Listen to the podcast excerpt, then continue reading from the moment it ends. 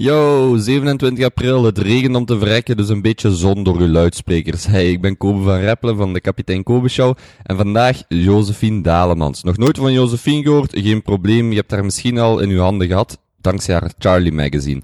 Josephine Dalemans, kapitein Jos aan het stuur, begon als illustrator, groeide door van vormgeving tot chef layout, maar miste een mooi digitaal platform met sterke inhoud en zo is Charlie Mag. Charlie Magazine ontstaan. Uiteindelijk ook een printversie, als ik mij niet vergis, zitten ze nu in een derde of vierde oplage. En zo is eigenlijk Charlie ontstaan. Als je een printmagazine koopt, dan stopt het verhaal, zegt Josephine, waar je de bladzijde omslaat. En online biedt de mogelijkheid om verhalen over mensen zoals jij en ik te delen, waar discussie kan ontstaan onder gelijkgezinde mensen. En de discussie eigenlijk veel breder kan getrokken worden dan enkel maar het boekje. Dat was de motivatie van Josephine. In dit verhaal, in dit gesprek, praten wij over Josephine, haar afkomst, hoe haar ouders haar al niet steunden in haar, in haar um, onderzoek of in haar, in haar zoektocht naar haar creatieve zelf. Van loondienst naar freelancer, van een blogje met 5000 lezers naar 300.000 bezoekers uh, per maand. Uh, hoe ze haar crowdfunding heeft voorbereid. Um, de weg naar het aantal betalende abonnees dat Charlie Magazine moet, uh, moet doorlopen, was eigenlijk fuck fake. Um, als je een boekje vastpakt, gaat je, ga je zien dat er ergens de chef plakband, chef sapjes, de z-sledjes, beeldhoertjes en veel, veel meer in staan.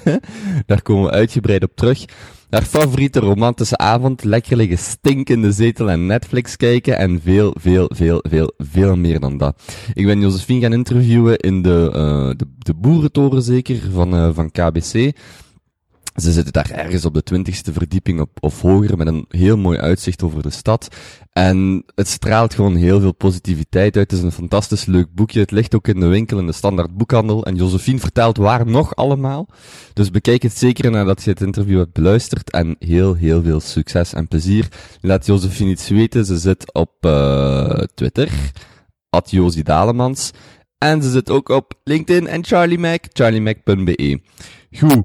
Alle informatie, reacties, links, inhoudelijke referenties, blablabla, kapiteinkobe.be slash, slash, slash, kapiteinkobe.be slash jos, J-O-S. En dan kom je het wel tegen. Goed, heel heel veel plezier, bedankt voor het luisteren en tot volgende week. Yo. Oké. Okay. Um, zeg ik Josephine, zeg ik. Jos zeg ik. wat, hoort het liefst? Iedereen zegt iets anders. Mensen die mij niet kennen zeggen Josephine. Mm -hmm. En hier zeggen ze Jos. ja, dat hoorde, hoorde ik net al. en uh, mijn moeder zegt Jossie. Mijn man zegt Josephine of Jos. Er zijn nu veel verschillende mogelijkheden. Oké, okay, dan, dan, dan uh, ga ik gewoon Josephine zeggen. Ja, dat is goed.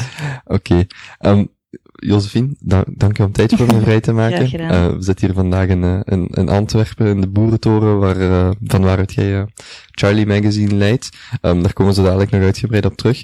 Voor ik al mijn vraag ga, stel, ga stellen, um, kan u zelf voorstellen, misschien aan mensen die, die u niet kennen, wie is Josephine Dalemans en, en, en waar komt iemand haar tegen? Uh, waar komen ze mij tegen? Nee, ik ben uh, Josephine, ik ben 36. Um, ik heb tien jaar lang gewerkt als artdirecteur bij de Vrouwenbladen en twee jaar geleden ben ik Charlie Magazine opgericht. Dat is een online magazine. Ik heb ook twee kinderen, uh, twee zoontjes van zeven en negen. En ik probeer zo'n beetje alle ballen in de lucht te houden. Um, we zitten hier in Antwerpen. Groeide u ook op in Antwerpen? Nee, ik kom van, uh, van Turnhout, van de Kempen. Ik heb in Antwerpen gestudeerd en ik ben hier blijven plakken. Ja. Is Antwerpen de stad van, van uw hart in België? Goh, dat is de stad die ik het beste ken. En ja, waar dan mijn hart ook wel het meeste ligt, denk ik. Maar ik ben niet een chauvinistische Antwerpenaar, de, of de typische Antwerpenaar met de dikke nek, dat ben ik wel niet. en als u, als u zelf uh, uw job mag beschrijven, wat zegt u dan? Hoofdredacteur, zeg ik nu. Ja, hoofdredacteur van Charlie. Ja, ja, hoofdredacteur en zaakvoerder. Ja. En vroeger, was u dan een, een creatieveling of, of freelancer? Uh, vroeger, een, ja, voordat ik Charlie oprichtte, was ik medezaakvoerder van de ontwerpstudio die mijn man en ik runden. En daarvoor was ik artdirector of hm. vormgever. Um, u heeft van alles gedaan. Um, maar wat zeker in het oog springt is Roxy Stript. Um, mm -hmm. Wat is het verhaal daarachter voor de mensen die het niet kennen? Dus met Roxy ben ik al eigenlijk al vrij lang bezig. Ik ben uh, Roxy beginnen tekenen. Uh, dat is een stripreeks van een uh, moeder met twee kinderen, werkende moeder met twee kinderen. En um, ja, in een korte strip cartoon vertelt of schrijft zij over um, de dingen die ze da dagelijks meemaakt. Ik um, ben daarmee begonnen op een blog, denk vijf of zeven jaar geleden, bij de geboorte van mijn kinderen, omdat dat een heel hectische periode was. Um, die dingen zijn nooit gepubliceerd geweest eigenlijk, maar nu afgelopen jaar heb ik een vaste striprepubliek gekregen in het Nieuwsblad magazine en één keer per maand komen ze ook op uh, Charlie magazine. En teken u daarvoor al voor, voor andere magazines? Of was u daar ook als redactrice actief? Uh, ik ben eigenlijk mijn carrière begonnen als illustrator. Dus ik ben ook afgestudeerd als illustrator uh, aan de Sint-Lucas Hogeschool. En een van mijn eerste jobs was illustratrice bij Flair en dan bij Weekendknak. En zo heb ik een heel aantal illustratieopdrachten gedaan. Ik werkte toen wel vaker met collages. En dan ben ik uh, beginnen werken met techniek, collages en tekeningen, maar het strip, stripfiguurtje Roxy was echt, is echt handgetekend en waren eigenlijk meer droedels die dan uitmonden in een, uh, in een verhaaltje. Dat zijn altijd verhaaltjes van, van één pagina of, of ongeveer die, die, ja. die lengte van, van tekeningen. Ja. ja. En die vinden we nu ook terug in Charlie Magazine. Ja, klopt. Ja. Um, u bent eigenlijk altijd in de creatieve sector dan actief geweest. Kom, komt u uit een creatief gezin? Nee, eigenlijk niet zo, nu ik erbij nadenk. Mijn vader was advocaat, mijn moeder is uh, adjunct-directeur in, uh, in een hogeschool, in een uh, avond. Mijn zus is ook wel creatief, maar mijn broers zijn beide ingenieur, dus nee, eigenlijk niet zo. Mijn opa was wel, was meubelmaker. En er wordt gezegd dat mijn vader heel goed kon tekenen maar niet echt een kunstgen in de familie. Mm -hmm. Toen u dan 18 was en, en voor het beeldende kunst ging als opleiding, was u, was u dan zeker dat u dat wou doen? Of was dat, een van, was dat gewoon de beste keuze op dat moment? Nee, ik was al heel zeker, maar het was een aparte keuze omdat ik kwam uit uh, een heel strenge college. Ik heb uh, op uh, het Sint-Joseph College in Turnhout gezeten, Latijn moderne talen gedaan, dus iedereen verwachtte dat ik ook rechten ging doen of geneeskunde of pol en sok of iets in die richting. En ik wilde dat absoluut niet. Ik wilde super graag iets doen met mijn handen. Ik wilde tekenen. En um, ik kon toen ook totaal niet tekenen. Ik had geen tekenschool gevolgd. En ik ben toen wel in, ingangsexamen gaan doen op Sint-Lucas voor um, vrije kunsten, voor schilderkunst denk ik, en voor toegepaste kunsten, voor illustratie. En ik was toen voor beide geslaagd, tot mijn grote verbazing. En dat was de, de bevestiging die, die u nodig had om dan gewoon ermee te beginnen. Ja, ja. En hoe, reageerde, hoe reageerden ze daar dan thuis op? Mijn moeder sowieso heel positief. Die heeft me altijd gesteund, want ik twijfelde ook wel heel erg aan mezelf of ik, of ik dat wel zou kunnen en zou doen. Maar zij was de eerste die zei van, um, kom aan, je gaat, we gaan dat doen, je gaat dat zeker kunnen, je hebt altijd in u gehad. Dus van, uh, van, van haar kant uit totaal geen uh, tegenkanting of zo. Mm -hmm.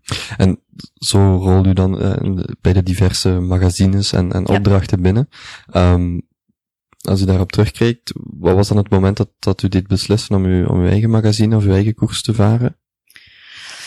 Um, oh ja, de eerste jaren was, uh, was uh, dat werk bij die, uh, bij die vrouwenbladen enorm interessant. Ik leerde heel veel bij. Ik ben ook heel snel geswitcht van illustrator naar vormgever, naar chef layout. En zo altijd heel veel bijgeleerd en steeds meer verantwoordelijkheid gekregen. Maar ik denk dat ik op een gegeven moment het gevoel had van, ik heb heel veel geleerd hier, ik heb heel veel kennis opgedaan en ik ken heel veel technieken, maar ik kan me niet meer verzoenen met de inhoud die in de bladen wordt aangeboden. En uh, ook een ander groot deel was, um, mijn man is uh, webdesigner, die, die, was heel erg bezig met uh, online design, responsive design. En ik begon ook steeds al mijn inspiratie en informatie online te halen. En ik miste eigenlijk een, een, een goed vormgegeven, degelijk online platform met, met goede verhalen. Niet meer met die gefotoshopte uh, beelden daarin. Dat iets dieper op de dingen inging. En dan heb ik op een gegeven moment beslist van, kijk ja, ik kan erop gaan blijven wachten, maar als niemand het doet, ja, dan gaat het ook niet gebeuren. Dus waarom zou ik het zelf niet proberen? Is Charlie dan in de eerste plaats een digitaal online platform of een, of een magazine in print? Nee, we zijn echt uh, digital first. Dus het eerste jaar hebben we sowieso alleen online gedraaid. En na de crowdfunding hebben we ons eerste printmagazine uitgebracht. En dan een half jaar later ons tweede. Maar onze visie is ook heel erg um, verankerd in dat online gebeuren. Want um, als je een printmagazine koopt, je neemt dat mee naar huis. Je leest die verhalen, maar het verhaal stopt daar waar dat je je bladzijde omslaat. En in online is het juist zo leuk dat mensen kunnen reageren, kunnen delen, een blogpost kunnen schrijven, kunnen tweeten, kunnen sharen. En dat was heel het opzet van dat magazine, niet iets top-down, waar dat van bovenuit verteld wordt wat dat jij moet dragen of eten of doen of je leven moet leiden. Maar eerder verhalen van mensen zoals jij en ik, waar de andere mensen op kunnen reageren, waardoor een discussie kan ontstaan. Echt die uh, bottom-up beweging en uh, community van gelijkgezinde mensen. -hmm voor u dan definitief de stap zet om met Charlie te beginnen, waar had u dan het meeste geleerd volgens u? Was er een specifieke periode waar u, of misschien zelfs tot het inzicht gekomen van ik wil dit niet meer doen? Was er echt een, een specifiek moment of periode waarin dat u dat leerde? Nee, ik denk dat dat heel traag is gegaan. Um, de periode dat ik aan Goedele magazine meewerkte was wel heel fijn, omdat dat qua inhoud het meest aanleunt bij Charlie Magazine nu. Daar heb ik ook wel heel veel geleerd. Um, en ik denk dat dat dan vooral te maken had met die beslissing nemen, um, met tijd. Kan ik dat, durf ik dat, durf ik springen? Dat is financieel onzeker. Ben ik, kan ik leiding geven? Uh, kan ik een leidersrol hebben? Durf ik iets nieuws in de markt zetten? Durf ik ergens voor te gaan staan? En dat is niet iets dat je maar ik toch niet wat ik overnacht heb beslist. Ik denk het ook ermee te maken had dat mijn kinderen nu al een stuk ouder zijn. En toen als ze baby's of kleuters waren, stond mijn hoofd er ook gewoon niet, niet naar om keihard te werken. En nu is er meer ruimte in mijn hoofd en in mijn dagen ook. Was er ook terug je moeder die je steunde om, uh, om die stap te zetten? Ja, misschien wel, ja. Um, mijn moeder is, heeft, um, want mijn ouders zijn ook uiteen. Dus mijn moeder heeft heel lang voor uh, mij en mijn broers en zus gezorgd. Zij was alleenstaande moeder en ja, dus zij is gewoon echt iemand die daar heel ondernemend is, die heel hard kan werken, die zelf ook uh, in bijberoep een uh, tweedehandswinkel had, uh, als een van de eerste in Vlaanderen en in het weekend bijwerkte en er eigen, er eigen zaak op zette. En ja, ik, ik, heb er toch wel wat van geleerd, zo zelfstandig zijn en niet over laten lopen en gewoon te moeten hebben om dingen te doen die andere mensen niet durven. Mm -hmm voor u met het online uh, platform begon, was u toen nog uh, in loondienst of bent u gestopt in loondienst en dan van dag een op de andere dag uh, met Charlie begonnen?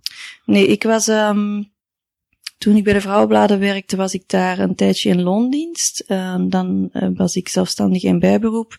En op een gegeven moment ben ik overgeschakeld naar um, volledig zelfstandige, maar toen werkte ik als freelancers met week- of dag- of maandcontracten.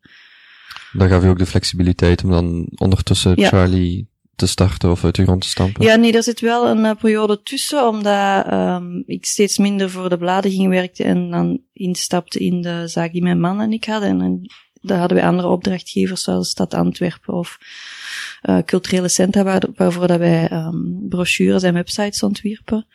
Maar um, die opdrachten gaven mij niet genoeg inhoudelijke voldoening, of ik miste toch de ervaring die ik had bij het bladen maken, waardoor dat dan de, ja, de stap naar zelf iets te beginnen eigenlijk vrij soepel ging, omdat ik andere betalende opdrachten had en daarnaast mijn project kon uitwerken. Had u toen al uh, financiering nodig voor het online platform? Of was het ehm. gemakkelijker omdat uw man of, of omdat u samen ja. um, eigenlijk al een designbureau of, of een, een, een, een, bedrijfje wel van de websites en, en online content al, al runde? Ja, um, ja, dat was mijn grote geluk eigenlijk. Um, ik heb de eerste Charlie site, was een WordPress template die ik gedownload heb voor, voor 50 dollar. Uh, mijn man heeft die toen wat gecustomized en getweakt, zodat die netjes stond.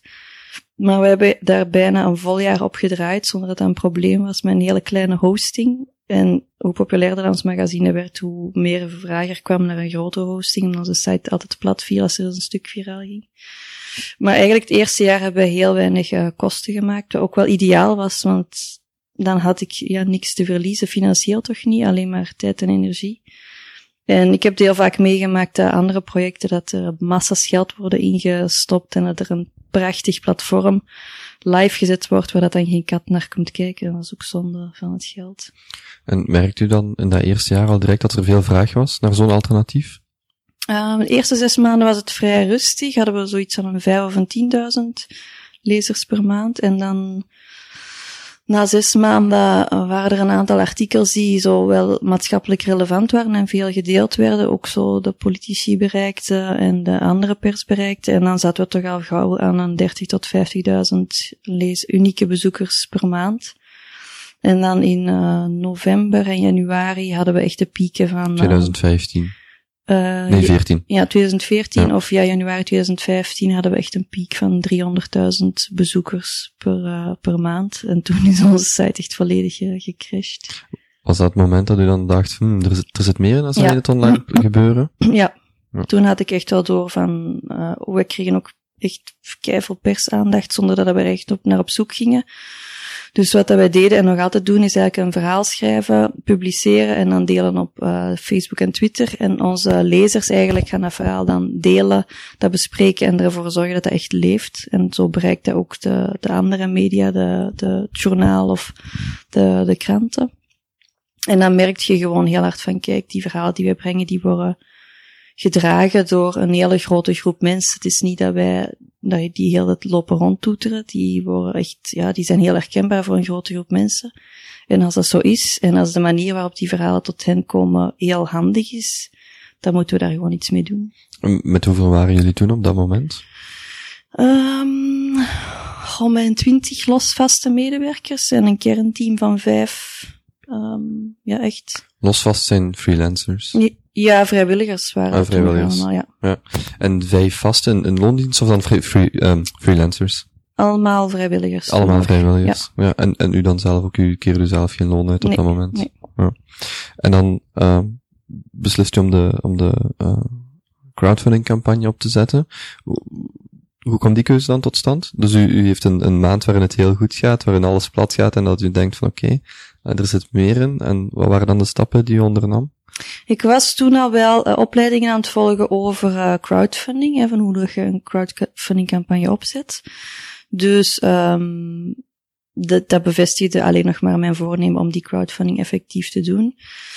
Uh, ik heb die opleiding gevolgd bij VOCA. Dat was met een Nederlands bureau dat gespecialiseerd is in crowdfundings. En dan hebben wij samen beslist, of heb ik beslist van hoeveel budget wil ik ophalen, wat is realistisch in Vlaanderen, welk platform moet ik kiezen, welke beloningen moet ik kiezen.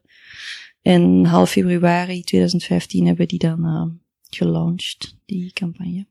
En hoe liep dat proces dan? Want iedereen zegt wel, ja, je moet een filmpje hebben en dit en dat. Zijn er, zijn er misconcepties? Of, of wat was voor u, wat waren de grote struikelblokken of de, de grote overwinningen, zo gezegd, binnen die campagne? Um, ja, het idee dat je een crowdfund, crowdfunding campagne lanceert, die dan gewoon vanzelf loopt en met mond-aan-mond reclame het metertje doet vollopen, ja, dat, was bij ons niet zo en dat is in 99% van de gevallen niet zo. Je ziet op Kickstarter alleen de, de topprojecten die daar vijf keer zoveel ophalen als als ze uh, op voorhand hadden vastgelegd, maar dat zijn, er zitten daar massa's onder die homepage met topverhalen die daar gewoon 0 of 0,5% of 1% ophalen. Dus um, we kregen gelukkig heel veel uh, ondersteuning van Ululi, dat is het platform waar wij mee in zee gingen. En die zei van ja, je gaat eerst bij u uh, naast uh, familie en vrienden en collega's uh, uw verhaal vertellen en zij worden ambassadeur en zij gaan uw verhaal verspreiden, weer al van onderuit. En je mocht pas echt openbaar of naar de pers gaan als je 30 of 40 procent op de teller hebt.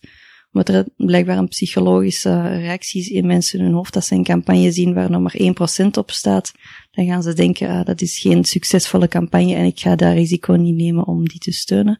Maar als er al 30 of 40 procent op de teller staat, denken mensen, ah, dat loopt precies wel goed. Ik ga mijn steentje bijdragen. Dus dat was iets dat we geleerd hebben. En ja, gewoon dat dat keihard werken was. Elke dag opnieuw communiceren totdat je jezelf echt beu gehoord bent. Maar elke keer opnieuw mensen persoonlijk bedanken op Twitter, op Facebook. Um, zorgen dat je fris blijft, dat je boodschap blijft herhalen.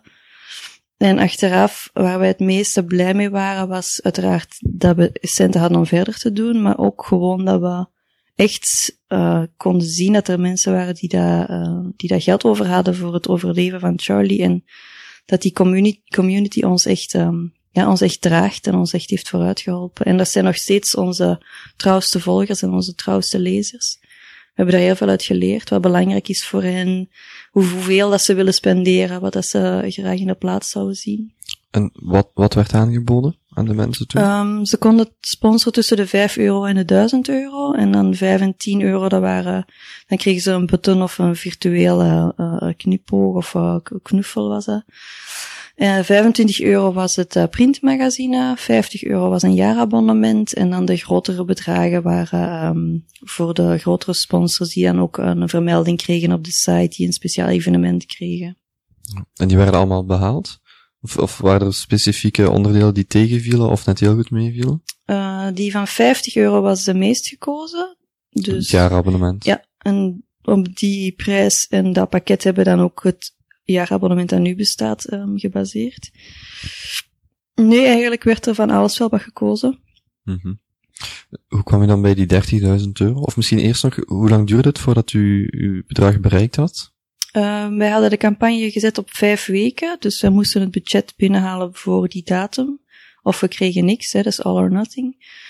En het heeft ons, ja, denk vier dagen voordat die termijn afliep, hebben we het gehaald. Ja, goed gevoel. Ja, ja. En hoe kwam je dan bij die 30.000 euro? Uh, ik wilde eigenlijk eerst 50.000 ophalen, maar uh, ik was een beetje overenthousiast en die uh, man dat ons begeleidde, die zei dat in België crowdfunding nog echt in zijn kinderschoenen staat.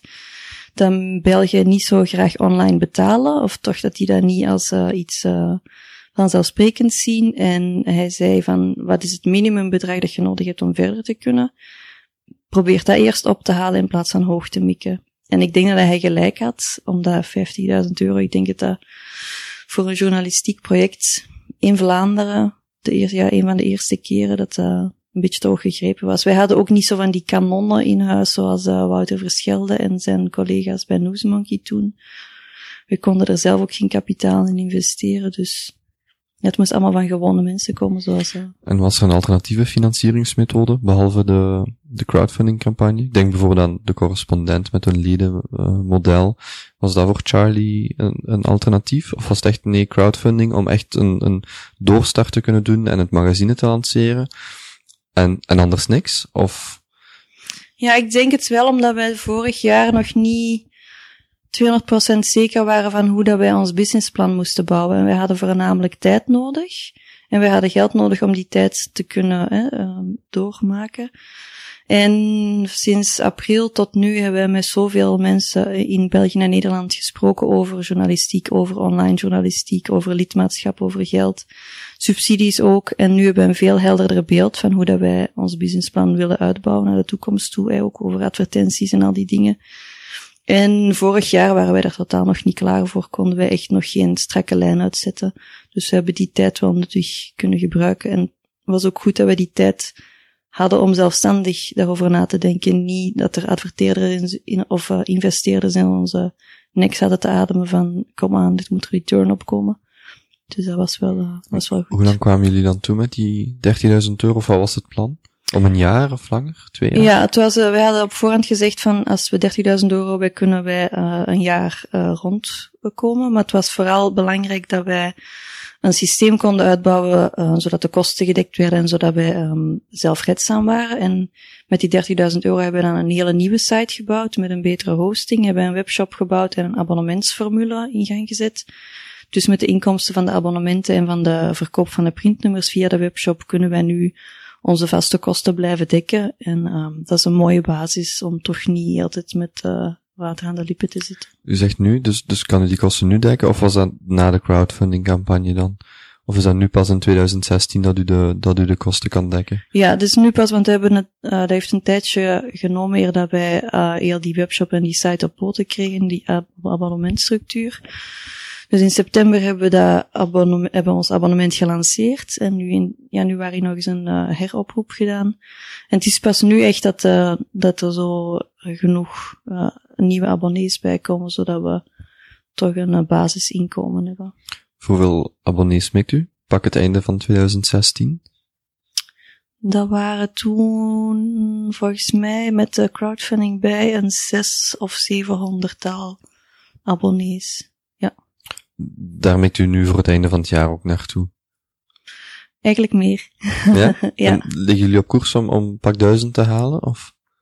Ehm ja, dat is altijd afwachten natuurlijk. Ik vind het heel moeilijk om er een prognose over te stellen, maar we willen daar wel meer op inzetten, omdat dat ons heel onafhankelijk maakt. Ehm als we duizend abonnees op een jaar hebben, zou dat een derde of de helft van onze inkomsten kunnen zijn. En dat zou wel mooi zijn.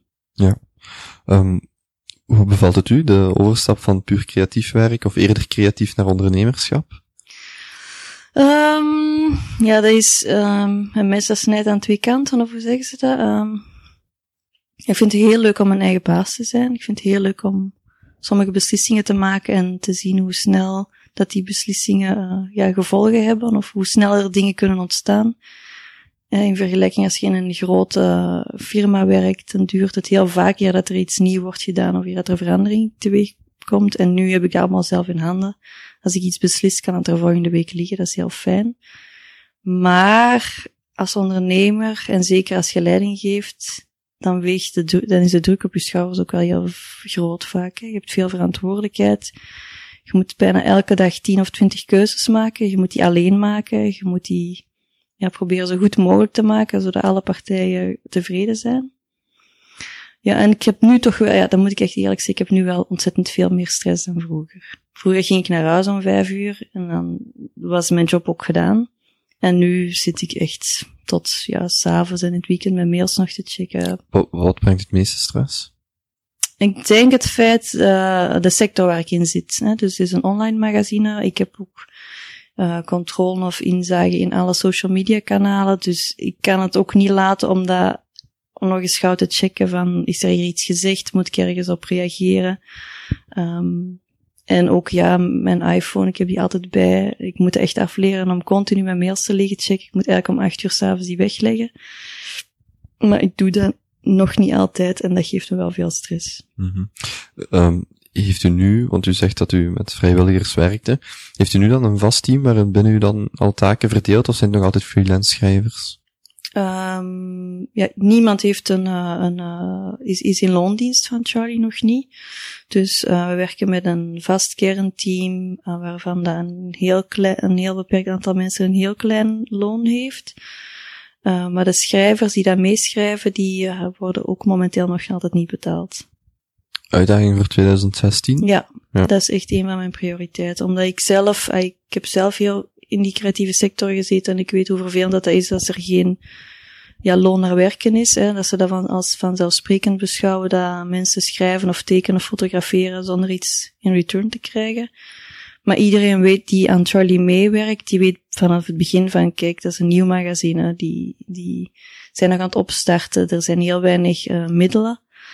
En ze hebben zelf de keuze van, wil ze eraan meewerken of niet? En als ze eraan meewerken, zien ze ook wel vaak dat het hen um, ja, ook maar één of twee teksten per maand uh, moet kosten, bij wijze van spreken. En dat ze er heel veel return van krijgen. Dus wij krijgen ook een heel leuk en warm redactieteam terug die hen met andere dingen helpt. Ze krijgen ook heel veel, dat is, ja, dat is heel typisch, maar visibiliteit zal ik maar zeggen. Er zijn er drie die al een boekencontract hebben gekregen, die daar ontdekt zijn en nu voor andere media betalend schrijven via Charlie.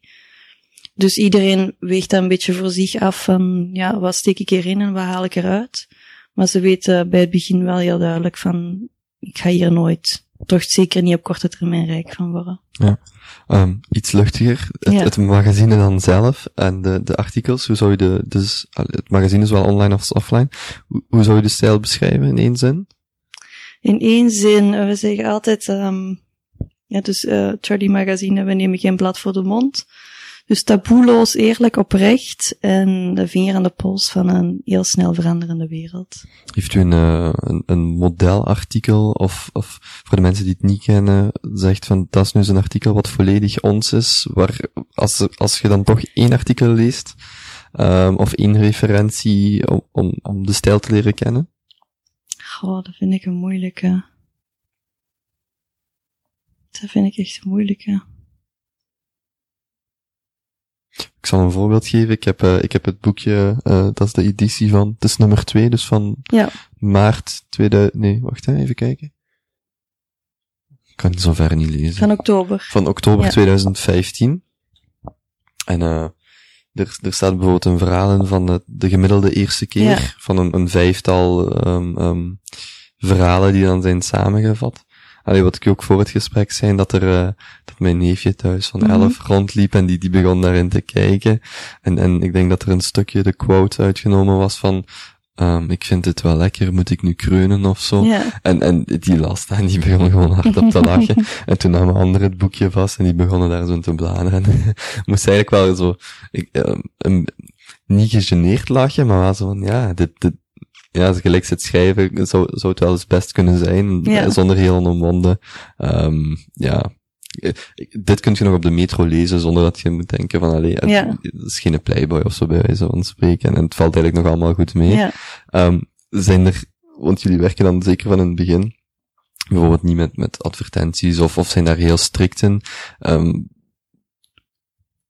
hoe, hoe houdbaar is zo'n model? Want wat jullie doen is leuk, de artikels die jullie schrijven is leuk. Is er ook een draagvlak voor van, de, van, van adverteerders, van investeerders mogelijks, om zo verder te doen?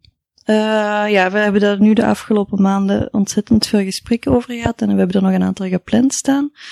Het was vooral voor ons, wij willen niet beginnen adverteren zoals de anderen het doen, dus met irritante banners die dat, um, ja, de leeservaring uh, slechter maken. En we willen ook het liefst werken met adverteerders die een beetje dezelfde uh, waarden en normen hebben, of dezelfde missie hebben als ons. Dus dan, hè, wij, fuckfake is onze baseline, we gaan er wel prat op, of we proberen ons best te doen om zo ecologisch mogelijk en duurzaam mogelijk te werk te gaan. Niet dat dat iets is waar je altijd over lopen te, te roepen, maar dat lijkt ons gewoon de logische keuze nu. Dus ons boek zien is ge, gedrukt in een groene drukkerij. Zwart-wit. Zwart ja, op wit. Zwart op wit, ja, ja klopt. Um, we drukken ook op kleine oplages, terwijl dat de, de mainstream magazines, daar gaat vaak één, de helft of een derde van de oplagen gewoon ongelezen de, de vuilbak in. Um, dus als wij een adverteerder in zee gaan, dan kan dat bijvoorbeeld niet een bedrijf zijn dat gigantisch vervuilend is, of bijvoorbeeld, we houden niet van Photoshop, dan kunnen we niet in zee gaan met een bedrijf dat cosmetica verkoopt met alleen maar gefotoshopte, rimp rimpelloze gezichten. Dus dat is wel een zoektocht, omdat de meeste grote bedrijven met de meest grote advertentiebudgetten zijn net uh, vervuilende bedrijven die, da, die fake beelden uh, naar voren schuiven, waar wij niet zo van houden. Dus dan moet je op zoek naar andere bedrijven, die vaak ook kleiner zijn en die vaak nu, nu, nu maar pas beginnen groeien. Maar wij geloven wel dat we dat, ja, dat we dat kunnen. Of dat we op een of andere manier ook met partners kunnen samenwerken rond een thema dat relevanter is. Of op een manier die, die anders is dan de klassieke reclame. In klassieke reclame heb je weer het verhaal van de adverteerder. Die zegt dat zijn of haar product het beste is. En dat wordt via spotjes of banners gewoon op je netvlies gebrand. En je kunt als kijker of als lezer er eigenlijk niet niet op ingaan. Je kunt het alleen proberen fast forwarden of de, de pop-up banner weg te klikken. En dat inrichtingsverkeer, net hetzelfde als bij die andere magazines, willen wij op Charlie niet. Wij willen dan liever een waardevol verhaal vertellen dat we zelf sowieso gingen maken of gingen schrijven, maar gesponsord of geholpen door een merk rond een thema waar dat we sowieso over schrijven. En dat thema kan zijn uh, gendergelijkheid, feminisme, duurzaamheid, innovatie, ondernemen. Maar kan ook zijn seks, telefonie, nieuwe media, privacy. Er zijn heel veel onderwerpen waar onze lezers heel veel mee bezig zijn. En als je met de juiste partner op een eerlijke manier kan doen, want eerlijk is altijd wel de rode draad in alles wat we doen, dan moet dat wel lukken, denk ik. Wat is de demografie van jullie lezers? Um, 70% zijn vrouwen, 30% zijn mannen. En de leeftijd, de grootste uh, categorie zit tussen de 20 en de 45. En daar specifiek nog? nog of, of is dat gelijk verdeeld tussen de 20 en de 45? Nee, tussen de, vijf, tussen de um, 25 en de 35 de grootste, het grootste aantal. En de mensen wonen meestal in steden, dus Gent, Antwerpen, Brussel, Mechelen, maar ook Rotterdam, Amsterdam, Eindhoven. Um, en verder denk ik, ja, een beetje meerwaardezoekers, mensen die toch wel een klein beetje kritisch staan tegenover, tegenover wat je wordt aangeboden. Die dingen. Mm -hmm. um, het boekje heeft 144 bladzijden, het is, het is niet dun. Zijn de, komen de artikels in het magazine ook rechtstreeks van de website, of zijn die exclusief, of andersom, eerst in het magazine dan op de website? Uh, wat er voor het boekzine geschreven wordt, zeker het tweede, dat is uh, exclusief uh, voor print. We maken een verschil tussen de artikels die online komen, die zijn meest, die zijn vaak ook een beetje gelinkt aan de actualiteit, of dat zijn dingen waar dat we heel veel reacties op verwachten, en de dingen die in het boekzine staan zijn vaak tijdlozer. Dus die zou het geval in het jaar nog kunnen lezen en die zouden even relevant kunnen zijn. Maar dan kan er niet gereageerd worden op, nee. op de artikels die in het, in het boekje staan? Nee, klopt. Wat we wel doen is zo één of twee of drie artikels uh, inkorten en op de site zetten of uh, alleen voor onze abonnees aanbieden dan. Ja, ja. Um, u zegt boekzine, is dat een bewuste keuze dan ja. neem ik aan? Het is geen magazine, of, of wat is het verschil? Uh, het is voor ons iets tussen een boek en een magazine in, omdat er zoveel leesvoer in zit. En je kunt ook blijven lezen. Bij een magazine heb je vaak dat je dan na een half uurtje al gelezen aan de kant kunt schuiven. En uh, voor ons is het echt tussen een boek en een magazine in, dus een boekzine. Mm -hmm. Weet u nog uh, de, de, dag dat uh, het boekzine dan de allereerste, het allereerste nummer in, in, in de winkel lag of beschikbaar was? Ja. Kan je dat beschrijven? Lijkt me, lijkt me super spannend als je ja. 30.000 euro ophaalt. Dat, uh, de, de, het online platform wordt in orde gebracht, het, het boekje wordt geprint. Ik, ik probeer zelf zo ook wel wat creatief werk te doen. Dat is altijd stress, laat staan een volledig boekje. Um, hoe was dat voor u dan? Ja, um, ja, dat was, ja, dat was best, best bijzonder, omdat als je dat kunt vastpakken, en die kaft is ook heel zacht, dus met een speciale coating, dat is toch echt ja, iets heel tastbaar. En heel veel zijn ook op de redactie van nu is het voor echt. En ondanks dat wij al ja, miljoen bezoekers online hadden gehad, zo één printmagazine wat dan een veel kleiner bereik heeft, leek toch ook op een of andere manier meer voor echt of zo. En uh, dat is ook de reden waarom dat wij die dingen blijven maken. We zien ook wel de waarde in van een printmagazine, dat je kunt koesteren, kunt vastpakken, kunt mee naar bed nemen, kunt, um, ja, kunt aanraken, kunt ruiken ook dat is ook een heel andere manier van met je, ja, met uw lezer om te gaan dan vluchtig en online en in één klik is het weg. Langs welk magazine ligt u het liefst? Welke dat er naast ons liggen. Um, langs welk ligt u niet? Als ik bijvoorbeeld zeg dat ik, of, of stel ik kom in de winkel en ik zie uh, Charlie liggen en ik zie daarnaast L of Fog of ja. wat dan ook zijn het dan verloren lezers die dan toch, dus denkt u van, die, die moeten wij absoluut niet hebben, zij die gewoon maar op de cover kijken, want uiteindelijk is dat natuurlijk wel de realiteit als ik de standaard boekhandel binnenwandel. Ja. Er wordt heel veel op covers gekeken, is er een magazine waarvan u zegt, ja, daar leunen wij misschien wel bij aan, en andere, de lezers, de, de gemiddelde lezer van zo'n magazine, die, die gaat bij ons echt niet aan zijn trekken komen of haar trekken. Ja. Um, ja, ik zie dat we op verschillende plekken liggen in de, in de krantenwinkels. Dus soms inderdaad echt tussen de vrouwenbladen. En dan denk ik van, ja, ik weet niet of de mensen die die vrouwenbladen kopen interesse zouden hebben in Charlie. Het zou goed zijn, maar wel. Misschien zitten ze op hun honger, dan is dat fijn. Langs de andere kant vind ik ons magazine niet echt een vrouwenmagazine, omdat de thema's waarover wij schrijven, ja, die kunnen relevant zijn voor mannen en vrouwen. En een derde van onze lezers zijn mannen. Er is ook een eh, aantal uh, mannelijke redacteurs in ons team. En wat ik dan liever heb, is dat wij zo meer bij de niche-tijdschriften liggen, zoals bijvoorbeeld een Kinfolk of een Flow of um, een Frankie's magazine, meer internationale bladen die ook zo dikker zijn en mooi met zorg zijn uitgegeven. En dat zie ik toch wel dat we in andere filialen toch bij die, in die categorie liggen. Jullie liggen de Benelux, België en Nederland.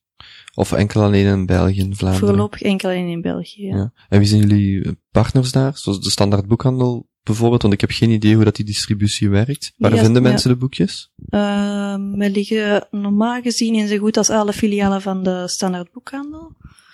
En in de grotere uh, pressshops en uh, relais. Dus bijvoorbeeld in de station is er altijd zo'n krantenwinkel. Daar mm -hmm. liggen ook onze magazines. Um, het boekje kost 10 euro of 9,90 euro. Hoe, hoe komt u bij die prijs? Um, sommigen zeggen dat er veel is, uh, anderen zeggen dat er weer te weinig is. Een kinfolk kost denk ik tussen de 15 en de 17 uh, euro. Uh, ik kom bij die prijs omdat, het, ja, omdat we in die groene drukkerij drukken en omdat we heel weinig advertenties in ons magazine steken, is de kost van, van de productiekost gewoon al vrij hoog. Um, ik heb het onder de 10 euro gehouden, omdat ik ook weet dat onze uh, lezers ook geen grootverdieners zijn. En ik denk dat 9,90 euro wel een correcte prijs is voor zoveel inhoud die dan op een uh, ecologische hmm. manier gemaakt is. Het is vooral gebaseerd op de kosten die jullie hebben. En ja. het is niet dat jullie rijk worden van de verkoop van het boekje. Nee. nee. dat valt wat tegen ja, maar dat weet je op voorhand ga rijk worden van, van printmagazines. Dus ik denk dat alle, dat zelfs een flair van Libelle nu een, uh, over hun hoofd aan het krabben zijn van ja, hoe moeten ze dat doen? Want dat gaat alleen maar als je op massaschaal kunt drukken. Of... Jullie concurreren niet op prijs in ieder geval. Jullie gaan ervan uit dat jullie een vaste basis hebben en die ja. zijn eigenlijk vrij prijs uh, ongevoelig. Tot op een bepaald, bepaald punt natuurlijk, maar, uh, maar 10 euro moet zeker lukken. Ja. ja. Hoeveel brengen jullie er per jaar uit? Van ons eerste magazine hebben we er um, 1200 uh, uitgebracht. Een tweede was 3500 en derde gaan we proberen op 5000. Ja, dus en jullie brengen vier keer per jaar, vijf keer Twee per keer maar. Ah, oké, okay. dan uh, heb ik dat helemaal gemist. Um, dus jullie gaan waarschijnlijk op, uh, op termijn voor een 10.000 op een jaar. Dus zegt ja. 5.000. Ja, ja, dat zou mooi 10.000 in de winkel om een jaar. Ja. Ja. Um, helemaal van achter. Nee, wacht. Het is niet helemaal van achter, want ik heb het boek hier bij me. Um, hebben jullie een beschrijving van de, um, van, van, van de redactie en van de, en natuurlijk omdat ik de pagina nu niet vind. Ah jawel, wacht. Hebben jullie bijvoorbeeld een, een chef plakband, een, een, een chef sapjes? Maar vooral de, de zetsletjes. En ik vroeg me af wat, wat zetsletjes zijn. Ja, zetsletjes, dat was is een beetje... Er, staat ook een, er staan ook een mannennaam tussen, Thomas ja. Suffer. Ja, die was er niet zo blij mee dat hij zo genoemd werd. maar zetsletjes, dat was toen ik als vormgever um, uh, bij, de, bij de vrouw, op de redactie werkte van de Vrouwenbladen. Werd er dat wel eens gezegd, als vormgever heb je vaak een heel... Uh, ondankbare taak om gewoon de tekst te zetten in de layout en uh, achter u staat dan de artdirector of de eindredacteur die komt zeggen van ja, maar dat moet een beetje naar links en dat moet een beetje naar rechts en dat moet wat groter en dat moet wat kleiner. En dan bent je eigenlijk een beetje een zetsletje. U staat er zelf ook tussen. Ja. En dan de, de comma-neukers zijn de... De eindredacteurs. Dat zijn de eindredacteurs. Ja. En de masterpimps? Uh, dat zijn de mensen die de, de marketing doen, dus de advertenties hebben verkocht. Wacht, en dan ga ik er nog twee vragen. De beeldhoertjes, dat zijn de mensen die de foto's ja. maken of op de foto's staan? Op de foto's maken. de hete truffels. Dat zijn de modellen. ja, kijk, dat is ook gewoon een mopje van, je geeft in, vaak in van die grote corporate structuren dat je van die titels krijgt van manager, uh, chef, uh, weet ik veel, commercial lead, junior chef, manager, allemaal van die luchttitels. En ja. dat is eigenlijk een beetje een, uh, een verwijzing daarnaar. Ja, voor, de, voor de, de, mensen moeten maar zelf een boekje kopen en, en bekijken, maar ik vond de, de chef losse handjes. En ik kan me daar van alles bij voorstellen. Dat is een styliste. um, was de, um, de keuze om met, met zwart op wit samen te werken. Ik, ik, ik ken hen zelf van, van de producten die ze hebben. Mm -hmm. um, direct voor de hand liggend, om, om dan België dan te, te laten produceren, om daar samen te werken? Um, of, was dat, of misschien, misschien als uitbreiding, ja. was dat voor de, de, de crowdfunding campagne al duidelijk dat jullie met hen zouden gaan samenwerken? Uh, we werkten er sowieso al mee samen voor um, onze eigen klanten en ons ontwerpbureau. Dus uh, dat waren vooral brochures en affiches. En ja, ik, ik hoor gewoon enkel goede dingen daarover. En ik heb een paar offertes opgevraagd, maar ik ben eigenlijk bij hen blijven plakken omdat zij ja, een heel luik hebben over waarom dat zij groene drukkerij zijn, digitale inkt, uh, FSC-papier. En dat vond ik uh, bij weinig andere drukkerijen terug. Um, moest u nu terug kunnen gaan voor uw allereerste oplage? Iets wat u had willen weten op voorhand? Um, goh. U zat natuurlijk al wel langer in de sector. Ja. Iets wat u toch nog heeft verrast? Of, of? Ja, het is eigenlijk, wat wij zo jammer vinden is, um, het is ontzettend duur om ons magazine te verzenden. Dus één nummer kost meer dan 3,5 euro voor te verzenden. Vanwege de afmeting of het gewicht? Beide. Beide. Beide. Um, en um, de andere magazi mainstream magazines in België worden gratis verzonden, omdat die subsidiesteun krijgen van de overheid. Ja, waardoor dat de post een quasi nultarief aan hen aanrekent. En dat is wel, ja, je voelt dat op een of andere manier toch aan als oneerlijke concurrentie. Omdat ja, je moet dat deels doorrekenen aan je klant en deels betaalt je zelf die kosten. Maar als je dat op jaarbasis rekent, moeten wij een pak meer betalen om onze magazines bij de klanten te krijgen dan de mainstream magazines dat doen. Um, en de regel is zo'n beetje dat uh, um, het volk recht heeft op informatie. Maar het is pas vanaf een aantal uh, exemplaren, ik denk minimum vier per jaar, dat je recht hebt op die, um, op die subsidiesteun dan. Um, ja, uh, ook zo bijvoorbeeld met BTW-regeling. Uh, de, de persgroep en mediahuizen, grote uitgeverijen, hebben een BTW-nultarief, dus die moeten geen BTW aanrekenen en doorstorten, terwijl wij wel online de volle pot van 21 betalen en voor print 6%.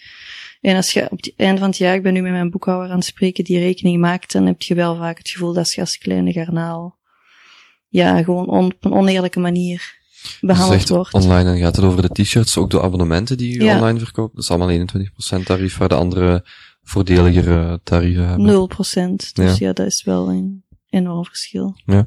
Um, even kijken. Maar ik heb, ik heb zoveel vragen die ik u wel of kan stellen. Hm. Um, is er voor u een, een modelmagazine?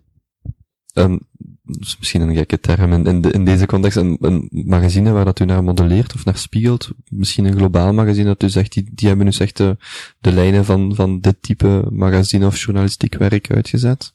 Um, niet eentje dat één op één, dat we één op één zouden kunnen vertalen naar Charlie, maar ik kijk bijvoorbeeld naar uh, Kinvolk, ik weet niet of je dat kent. Nog niet van gehoord. Dat is ontstaan vanuit een ontwerpbureau die een magazine gingen uitgeven, maar dat is heel lifestyle. Dat is heel mooie fotografie, recepten. Dat gaat echt om een manier van leven. Die hebben heel... niet Belgisch? Nee, nee, dat is internationaal. Die hebben een heel mooi magazine uh, uitgegeven dan, uh, dat heel snel heel populair werd. En dan hebben die ook, um, zijn ook lezingen beginnen geven en zo werd dat echt een heel een mooi uh, merk.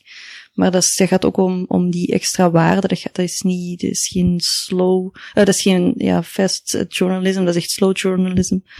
Dat gaat echt om, uh, ja, die mooie beelden, die mooie uitgaves. Langs de andere kant, correspondent vind ik heel mooi, omdat zij ook, um, ja, met, uh, zij uh, werken met die poreuze paywall. Dus zij zetten niet alles achter een, een super strikte paywall. Maar zij laten hun leden zelf beslissen om dingen te kunnen delen, waardoor dat de correspondent voor heel veel mensen gratis beschikbaar is, maar wel gefinancierd wordt door mensen die geloven in uh, goede journalistiek en goede onderzoeksjournalistiek. En ik vind dat hun site ook gewoon echt supergoed werkt. En ze, ze doen dat heel slim met heel gepersonaliseerde berichten als je lid bent en nieuwsbrieven. Rob Pijnberg weet goed waar dat hij mee bezig is. En je weet ontzettend goed waar hij mee bezig is. En die heeft een heel goed uh, designers en development team hmm. naast hem staan. Overwegen jullie ook zo'n soort van ledenformule online? Voor zo'n soort van supele uh, paywall? Ja, dat doen we nu. Hè. Dus als je een abonnement neemt, krijg je de twee printnummers. En dan krijg je ook extra uh, online artikels. En word je lid van de online community. Dus dan zijn er extra's zoals uh, interactieve pagina's, waar je als lid dan ook kunt uh, op intekenen of extra nieuwsbrieven. Die ik nu als gewone bezoeker inderdaad niet zie. Voilà, of, ja. Nou ja, dat alleen voor abonnees ja, dan. Exact. Ja. Um, is er voor u een, formule van succes? Want we spreken, we spreken natuurlijk over boekjes die van alles publiceren en van alles beloven, waar dat u dan eigenlijk van los uh, scheurt of gescheurd bent. Um, vraag, wil ik u wel graag de vraag stellen, bestaat zoiets dan wel, dan niet? Misschien als u dat zelf voor Charlie bekijkt? Is het, bestaat, bestaat wat wel? Een formule voor, van succes. Zegt u, ja, we hebben heel veel geluk gehad, we hebben gewoon keihard gewerkt, we hebben dit, dat. Ja, zo. Um, ja, ik weet, ja, Um, ik vind dat moeilijk, want sommige mensen zouden ons geen succes noemen omdat we nog niet gigantisch hard renderen. Andere mensen noemen ons wel succes omdat we een heel groot uh, bereik hebben en heel relevant zijn. Um, ik denk voor ons, onze succesformule is dat wij op het juiste moment waren, op de juiste plek, en dat wij heel hard geluisterd hebben naar wat onze lezers interessant vonden en hoe dat zij aangesproken en bereikt willen worden dat is ons, dat is ons succes uh, geweest. Um, en niet meer gewoon top-down communiceren van zo moet het. Ik denk dat dat ook een beetje de, de weg van de toekomst is. Op, op internet kan iedereen terugpraten. De consument kan tegen zijn merk zeggen van, kijk, ik heb, je me echt iets super slecht verkocht. Ik kan op Twitter zetten, dat kan een heel ding worden. Dus die transparantie of dat respect voor je consument of voor je lezer, is denk ik wel de manier van de toekomst. Dat de, de merken of de bedrijven leren luisteren naar hun consumenten, in plaats van dat de consumenten moeten luisteren naar wat het merk te vertellen heeft. Vindt u zelf succesvol? Vind ik mezelf succesvol? Nee, tuurlijk niet. niet. Nee, dat denk ik, nee. Ik bedoel, s'avonds dan kom ik afgepeigerd thuis en zitten mijn kinderen een keer te roepen of dan hangen die voor de tv en dan denk ik, oh fuck, zo'n slechte moeder. En ik heb ook zoveel stress en soms slaap ik slecht. Nee, tuurlijk niet. Ik, vind, ik denk, als je van jezelf kunt zeggen, ik ben succesvol, dan ja. Maar uh, ja, som, op sommige momenten dan bedenk ik wel van, wauw, is wel mooi wat we allemaal samen al hebben bereikt. Bent er wel fier op Ja, wel, ik ben wel fier op wat ik doe. Ik ben ook fier op dat ik dat heb gedurfd, die stap te zetten. En ik denk gewoon dat ik het meeste haal uit mijn leven wat er uit te halen valt. Ik had vroeger vaak het gevoel van, ik gebruik maar de helft van mijn capaciteiten en nu heb ik het gevoel dat ik meer dan 100% van mijn capaciteiten moet gebruiken. En ook, ook al is dat heel vermoeiend, dat geeft al ontzettend veel voldoen, voldoening. Ja, waar dat u daar straks zei dat ondernemerschap heel veel stress meebrengt, bent u er wel fier en tevreden mee op dit moment? Ja. En meer voldoening ook uit Ja. kan halen? Ja. Ja. Ik kan nog één vraag stellen over, over Charlie en dan ga ik meer naar de algemene uh, richting toe. Um, wat hebben al uw schrijvers of schrijfsters uh, gemeenschappelijk? Is er één eigenschap voor iemand die voor u wilt schrijven of iemand waarbij u terechtkomt, die ze sowieso moeten hebben of toch allemaal hebben? Ja, sowieso goed kunnen schrijven, dat is echt een basisvoorwaarde. Goed kunnen schrijven, iets te vertellen hebben, maar vooral um, die eerlijkheid, hè, dat taboeloze, ofwel een heel uitgesproken mening hebben en die heel goed kunnen ventileren, ofwel heel kwetsbaar kunnen opstellen en kunnen vertellen van, ja, mijn leven is niet perfect daarom en daarom en daarom. Niet het um, picture perfect plaatje willen ophangen of de grote schrijver willen, willen uithangen, maar eerlijk en openhartig kunnen vertellen over een relevant thema. Hmm. Um, voor uzelf, waar wilt u over vijf jaar staan? Daar wil ik over vijf jaar staan. Ik vind het eigenlijk een heel, een heel stomme vraag, maar omdat Charlie zo, allee, op een sollicitatiegesprek is dat zo'n typische vraag en eigenlijk wil je gewoon zeggen, rot op met die stomme vraag, maar, um, um, omdat Charlie Magazine eigenlijk nog maar, nog maar pas bestaat, de website dan iets langer, hoe ziet u dat dan zelf in de toekomst? Idealiter heb ik over vijf jaar nog twee of drie andere magazines uitgerold. Oh, ik dacht dat u kinderen ging zeggen. nee, kinderen is genoeg geweest. zijn mijn kinderen keibraaf. uh, nee, dan zijn die aan het puberen. Uh, maar heb ik nog een paar andere magazines uitgerold. Hebben wij een, uh, een mooi kantoor met vaste redactieleden. Onder de, de Charlie paraplu of volledig niet of andere? daarnaast. Ja. daarnaast. Ja. Doen we, zij hebben een Charlie Channel, een kanaal, een videokanaal, waar dat we video's uitbrengen. En ja, meer van hetzelfde, maar, um, maar, maar beter en groter. En, en vooral ook uh, een loon voor alle, voor alle medewerkers. Dat wel. Freelance of loondienst? Wilt u mensen effectief in loondienst Dat nemen? maakt eigenlijk niet zoveel uit. Ah, oké. Okay. Ah, ik dacht dat het naar kosten toe toch nog, zeker in de, in de journalistiek, dat het ja. moeilijker lijkt, denk ik, om iemand in loondienst te... Ja. Of, of als hij dan toch niet zo goed is. Dat, um, wat kan de gemiddelde journalist van u leren?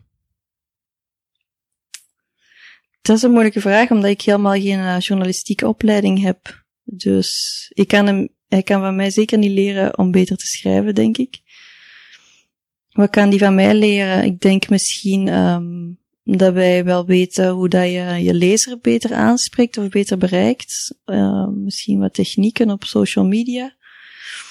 Um, Vroeger gaven de journalisten gewoon hun, hun Word-documentje af aan de hoofdredacteur, maar nu gaat het over ja, een, een goede invalshoek of titel bedenken, een leuk beeld erbij. Hoe gaan we dat op social media brengen? Misschien kunnen we er nog iets extra mee doen. Kunnen we de lezer mee betrekken? Kunnen we een oproep lanceren? Kunnen we onderaan een vraag stellen waar de lezer op kan antwoorden? Allemaal van die dingen. De gemiddelde illustrator of mensen die met beeldende kunst, want u heeft ook kort les gegeven als ik me niet vergis. Ja, klopt. Wat kan die van u leren? Um.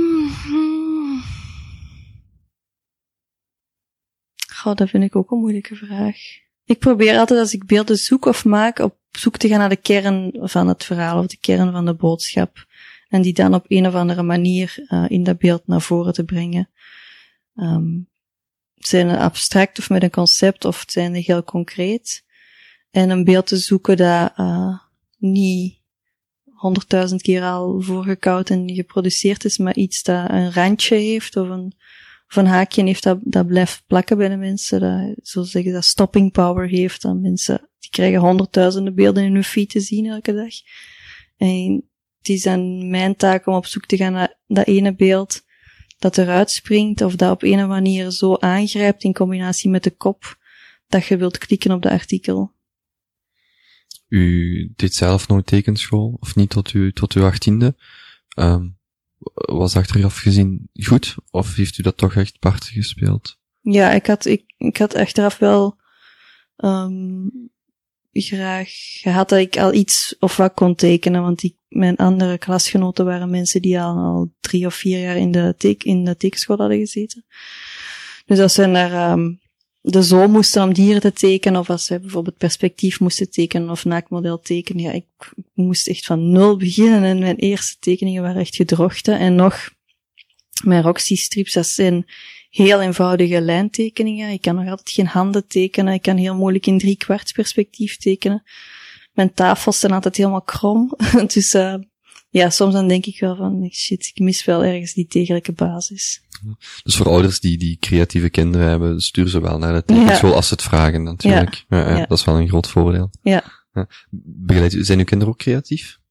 Um, die tekenen altijd weer ook heel graag strips. Um, ik weet niet of het door mij komt of of dat er, zelf in zit. De jongste kan heel erg goed tekenen. De oudste eigenlijk, eigenlijk ook wel, maar die is iets uh, onzekerder van zichzelf.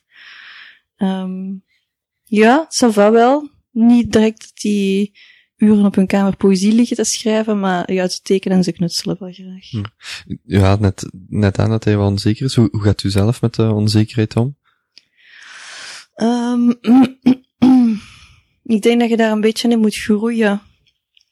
Omdat het is ja, hoe je naar jezelf kijkt. Hè. Um, bijvoorbeeld in een meeting durf je iemand tegenspreken of durf je het woord nemen. Of uh, ik geef nu af en toe lezingen. En mijn eerste lezing stond ik met een bibberend stemmetje en mijn rood hoofd voor die zaal. Maar na de derde of de vierde keer weet je, je hebt al een aantal keren gedaan, dan lukt het ook wel beter. Dus ik denk dat, dat je daarin moet groeien. Ik had daar vroeger wel wat last van, maar ik denk dat wel dat dat steeds minder wordt hoe ouder dat je wordt, of dat heb ik toch, um, ja, hoe beter dat dat ook aanvoelt.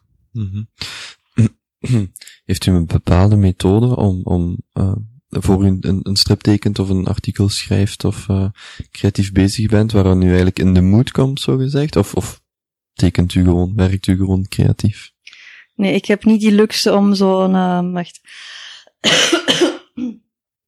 ik heb niet de luxe om zo'n ideale um, werkscenario voor mij uit. Het is meestal als ik een uurtje of twee uurtjes tijd heb, ergens tussendoor, al is het zondagnamiddag aan, aan de eettafel, gewoon uw blad pakken, um, liefst op voorhand uw verhaal al in uw hoofd hebben en dan er gewoon op, op, op, op het papier zetten of uh, uittypen. En op vrije momenten, bijvoorbeeld in de douche of op de fiets, toch aan nadenken over dat verhaal. Dus dat verhaal straks, zodat je als het moment daar is en je moet het kunnen neerpennen, dat het inderdaad gaat om enkel neerpennen en niet uren naar een leeg blad zitten staren. Mm -hmm. Dat doe ik niet. Voor, Charlie Mac al een paar uh, modelmagazines aan. Heeft u zelf idolen of mensen waar u naar opkijkt? Um, ja, ik hou heel veel van bijvoorbeeld van die comedians van Tina Fey of, uh, of um, Amy Schumer, Tina Ontario, Louis C.K. Uh, omdat ze, ja, ik, ik hou heel veel van, ik hou wel van mensen die daar met humor uh, een goed verhaal kunnen brengen dat heel relevant is. Um, ja, zo mensen als Ariane Huffington, uiteraard heb je daar ook enorm veel respect voor wat zij heeft voor elkaar gekregen. Vooral um, als, als er uit haar immigratieachtergrond, of als ik me niet vergis, zij is toch, is zij niet naar de Verenigde Staten geëmigreerd ja. om daar dan uh, de, de Huffington Post uit de grond te stampen? Is het vooral vanuit die positie of puur journalistiek talent of ondernemend talent? Ja, de ondernemend talent, dat ze dat gewoon heeft waargemaakt. Dat ze als, e als een van de eerste toen zei van ik ga het zo doen en ze heeft nu gewoon een gigantisch imperium. En ze heeft ook moeten vechten tegen um, een burn-out, als ik me niet vergis. Of ze heeft toch een heel een terugval gehad. Ja, ik hou gewoon wel van mensen, of een uh, Caitlin Moran, uh, een schrijfster, een Britse schrijfster, een overtuigd feministen ook, en die ook uh, performances doet die, die ergens voor durven willen gaan staan en die daar hun boodschap op een hele fijne, leuke manier aan de, aan de man kunnen brengen. Mm -hmm. fuck fake en, en, en geen blad voor de mond zijn de, de, slogans of de, de, de krijtlijnen van Charlie Mac. Um, heeft u ook zo bepaalde krijtlijnen in uw opvoeding naar uw kinderen toe? Is, is dat iets wat u bijvoorbeeld als, als, als, als u, uw zoontje morgen vraagt, mama, uh, er staat fuck fake en Charlie Mac, wat, wat bedoelt je daarmee? Trekt, trekt u die lijn door dan? Of is dat puur echt professioneel en, en, en, en is dat heel anders in uw gezinssituatie? Nee, ik denk dat ons gezin ook wel ja, dat is het leven zoals het is, hè. Dat is vaak rommelig en chaotisch. Maar de kinderen horen sowieso fuck en fuck en shit en bitch op school. Dus als ze, mij, als ze ermee thuiskomen, dan ga ik wel zeggen van kijk, dat betekent dit. Of je mag dat niet zeggen daarom. Um, sowieso zijn er weinig taboes bij ons in huis ook. Ik heb niet graag dat ze liegen. Ik heb liever dat ze iets stout doen en het dan opbiechten dan als ze, dan als ze erover liegen. Um, maar er kan wel vrij veel in ons gezin. Um, ligt ook altijd heel veel rommel in huis. ik heb mijn kinderen ook niet elke dag schone kleren aan. Ik denk gewoon, ja, het leven zoals het is en niet geen onrealistische standaarden willen nastreven, maar gewoon je best doen en, en, en zorgen dat de tijd die je samen doorbrengt, dat die, dat die fijn en gezellig is. Mm -hmm. Eerlijkheid en, en gezelligheid. Ja. ja. ja. Um, u probeert natuurlijk via, via Charlie Mac, of ik denk dat dat uw, uw uh, creatieve uitlaatklep is, of toch een uitlaatklep van dingen zoals u zegt, het leven zoals het is, en, en ik doe gewoon mijn best, en, en de rest uh, zullen we wel zien. Um, voor uw manier is om dat te delen. Um, de, hoe kan de gemiddelde Belg zijn, zijn kijk op de wereld verbreden? Verbreden? Mm -hmm. um, want niet iedereen gaat natuurlijk uh, nee. naar de winkel springen en Charlie Mac lezen. Zou nee. natuurlijk, ja. het zou beter zijn moesten ze dat alle 6 miljoen doen, denk ik, voor u. Maar wat zou u, wat zou u meegeven? Ja, ik denk gewoon... Of wat kan een grote rol spelen om, om net iets minder, uh, of, of iets meer fuckfake en iets meer, um, geen blad voor de mond, om, om de algemeen als, als houding of, of gedachtegoed uh, aan te nemen? Ja, sowieso wat ik net zei over um, proberen onrealistische idealen na te streven. Ik denk dat heel veel mensen zo'n ideaalbeeld in hun hoofd hebben van perfect huisje, twee keer per jaar vakantie, twee auto's voor de deur, al twee een, een goede job. En gewoon dat proberen voor de hele leven in stand te houden. Terwijl de, ja, de meeste mensen worden er niet gelukkig van. Als het niet goed gaat dingen proberen uit te spreken, is het uw relatie, is het um, is het uw job die je niet leuk vindt? Uh, meer ondernemend te zijn. Er zijn heel veel mensen die, die willen ondernemen, die een eigen zaak willen opstarten, maar niet durven, omdat hier in België niet altijd een ondernemersvriendelijk klimaat is. Dus dat zou ik wel um, denken dat dat iets zou kunnen veranderen. En langs de andere kant ook empathisch proberen zijn. Hè?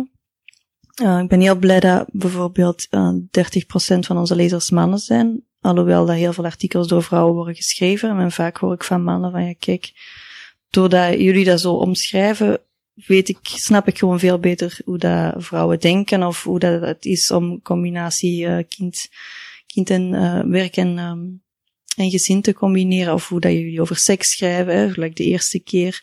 Hè, dat is de eerste keer dat ik dat dan lees vanuit een mannelijk perspectief. En ik begrijp nu gewoon hè, jullie beter en dat, dat is ook gewoon fijn als je een tekst leest van iemand waar dat je niet direct um, ja, u mee kunt vereenzelvigen, maar wel empathisch kunt zijn en kunt begrijpen waarom dat hij of zij in die situatie zo of zo denkt en handelt. Zeker nu met de vluchtelingencrisis ook. Hè. Je gaat nogal gauw zeggen van die mensen, ik ken die niet, ze spreken mentaal niet, ze zien er anders uit als mij, ze hebben een ander geloof dan mij. Dus ik heb er geen flikker mee te maken, maar als je hun verhalen zou uh, lezen of horen of zien, dan zou je wel empathisch kunnen zijn met hen en zou je kunnen inleven in hen. En ik denk dat eerlijkheid er ook um, voor kan zorgen dat, dat je, ja, dat je, um, ja, meer, uh, meer begrip hebt voor, uh, voor elkaar. En dat je, dat die samenleving minder hard wordt. Mm -hmm. Zou dat ook de, de, waar er normen zijn die met die andere, gelijk een kanaal, een, YouTube kanaal of een videokanaal, wat dan ook, zou willen meer in de verf zetten, waar dat Charlie Mac misschien nu tekort schiet is veel gezegd, maar, maar dat er toch een breder draagvlak is nog, via die kanalen dan? Ja. Ja. Ik denk het wel. Als ze video gaan doen, dan gaat dat waarschijnlijk uh, zeer zeker ook weer gaan over die, die eerlijkheid, die kleine dingen, die herkenbare dingen. Iedereen maakt altijd van alles mee, maar om open en bloot over dingen te praten, dat is nog altijd niet zo vanzelfsprekend. We doen vaak alsof en vaak, en we hebben bijvoorbeeld op onze uh, website een pagina de Secret Feed en daar kunnen mensen geheimen anoniem opschrijven, intypen. En die pagina wordt elke dag aangevuld en zo leert je de mensen kennen zonder dat laagste beschaving, dat laagste vernis eraf. Hè, wat hun angsten zijn, wat hun verlangens zijn, wat dat mensen uh, ja, bezighoudt, waar dat ze super blij van worden, of geil, of, of, of uh, waar dat ze van wakker liggen s'nachts. En ook al kennen die mensen niet, wat dat ze schrijven is zo fucking herkenbaar, dat je gewoon merkt van iedereen is diep van binnen gewoon exact hetzelfde. Wist je dat op voorhand al? Dat, dat, dat u dat soort reacties of, of commentaren of verhalen zou gaan krijgen? Nee, nee, nee. Um, maar dan natuurlijk of wordt u zelf nog verbaasd? Bent u zelf nog verbaasd van, van, van wat mensen dan bijvoorbeeld delen of, of ja. Uh, ja, willen het tentoonspreiden al is het anoniem?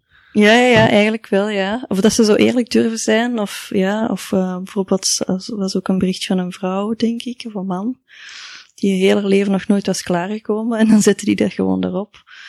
Of iemand die dan een crush heeft op uh, een collega van het werk, die er veel jonger is en niet durft te zeggen, maar ook iemand die bijvoorbeeld was een heel mooi verhaal. Het was net na de vakantie. Die schreef van ja, mijn rug is verbrand, want ik heb uh, een uur op zee liggen dobberen op mijn buik op een matras. En ik was aan het huilen en ik durfde niet uit water te komen omdat ik niet wou dat mensen mijn betraande gezicht zagen. Dus zijn, ja, sommige dingen zijn heel grappig, andere zijn heel poëtisch. Wat doen jullie met die verhalen? Die staan daar gewoon. Die, die staan gewoon ja. op de pagina, die kunnen mensen ja. bekijken. Secret feed. De secret feed, ja. Ah, Oké. Okay. Uh, dat was interessant om naar te kijken, ja. natuurlijk. Ja. um, ja, wat, wat, wat je bijvoorbeeld uh, direct aanhaalt, en dat is ook misschien een beetje, of dat ligt wel in de lijn van hetgeen wat ik wil doen. Ik wil bijvoorbeeld ook eens met een goede Liekes gaan spreken over, um, ik denk dat ik twee of drie jaar geleden in The Guardian of, of, of The Independent, ik weet niet meer, een artikel over de Japanse jeugd bijvoorbeeld, dat die eigenlijk amper nog relaties hebben en dus ook amper nog gezinnen stichten en dat seksualiteit daar zeker tegen 2050 en, en de, de, de tanende bevolkingsaantallen een, een reëel probleem zijn naar vergrijzing toe. Want superleuk om eens daar ook over te kunnen babbelen zonder dat mensen, ah ja, het gaat over een orgasme of het gaat over seks en zo precies maar allemaal uh, verbaasd of, of, of een beetje gegen, um, gegeneerd moeten zijn om, om, om van die, uh, van die onderwerpen aan te halen. En dat doen jullie dan denk ik wel, vooral uh, online en offline ook uh, vrij goed door die verhalen gewoon te bundelen, zonder daar eigenlijk vulgair over te doen, maar gewoon heel eerlijk te vertellen. Ja. ja. Staat Charlie in 2016 nu, um, waar u gehoopt had dat het zou staan toen u ermee begon? Of eh, ligt u voor op schema? Alles maar voor u persoonlijk, voor uw gevoel? Ligt u achter op schema? Um, dat is moeilijk omdat ik nooit heel concrete ideeën had daarover. Um, voor op schema is, ja, het draait gewoon echt super lekker. In de maand januari hebben we alweer um, dubbel zoveel lezers in december bijvoorbeeld, dus dat gaat echt vanzelf een mond-op-mond reclame. Financiële is wel moeilijker. Ik had wel gedacht dat ik na bijna twee jaar ermee bezig te zijn toch iets um, ja, minder financiële stress zou gehad hebben. Dus dat vind ik wel altijd nog, nog een harde noot om, uh, of ja, dat vind ik altijd lastig om mee om te gaan. dus ja, het is een beetje dubbel eigenlijk. Maar ik ben niet sowieso niet iemand die heel veel op voorhand plant. Ik leef meestal van maand tot maand of van dag tot dag. Mm, ik weet ook niet wat ik over vijf jaar of over tien jaar ga doen. Ik ben in mijn leven ook al heel vaak verhuisd. Ik heb wel in het buitenland gewoond. En dat vind ik een van de leuke dingen van het leven is, ja, dat het zo onvoorstelbaar is. Hè? Wie weet wat gebeurt over twee jaar. Gaat, wordt er iets nieuws uitgevonden. En gaan we met z'n allen um, via Google Glass, uiteraard niet meer, maar via iets anders aan media doen. Het is net zo, het is net zo fijn. Je kunt wel alles gaan liggen plannen, maar u, u zegt net even in het buitenland gewoond. Waar zat u dan? Uh, wij zaten in de Caraïbe. Dus, Als gezin? Uh, nee, toen hadden we nog geen kinderen. Um, denk ik, wacht, welke jaar was het? 2005. Ben ik vijf maanden naar Sevilla gegaan om Spaans te leren. En mijn man is toen naar Thailand gegaan voor zijn uh, duikinstructeurdiploma te halen. En dan zijn we samen naar de Dominicaanse Republiek verhuisd. Hebben we daar drie of vier maanden gewoond. En daarna zijn we naar Curaçao overgevlogen. En dan hebben we daar nog, ik denk, een zestal maanden gewoond. En dat was een bewuste keuze om zo lang, uh, of, of viel dat gewoon allemaal een beetje samen? Nee, we wouden wel, uh, we wouden wel echt weg van België toen. We hadden toen nog geen kinderen en we hadden wel jobs, maar geen jobs waarvan wij ja, echt al twee heel tevreden waren. En we waren heel onrustig toen nog. En ik wilde sowieso heel graag Spaans leren, en, uh, maar mijn man reisde ook graag. En eigenlijk wilden we langer gaan. Maar ik ben dan zwanger geraakt per ongeluk. Toevallig weer. En dan hebben we toch beslist om terug te komen. U zegt 2005, u was toen begin 20? Ja, hoe oud was ik toen? 25. Ja, ja, ja. oké. Heeft u nu nog de, de, de behoefte om naar het buitenland te trekken? Of toch thuisgekomen, kinderen gekregen en, en het is goed zo? Ja, het is hier wel... Um, het buitenland is fijn omdat eh, het is overal mooier weer dan in België, sowieso.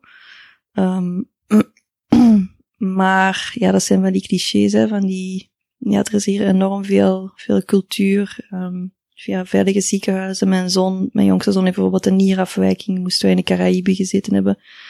Zou die zeer waarschijnlijk ofwel een ernstige nierschade hebben opgelopen of gestorven zijn op de operatietafel.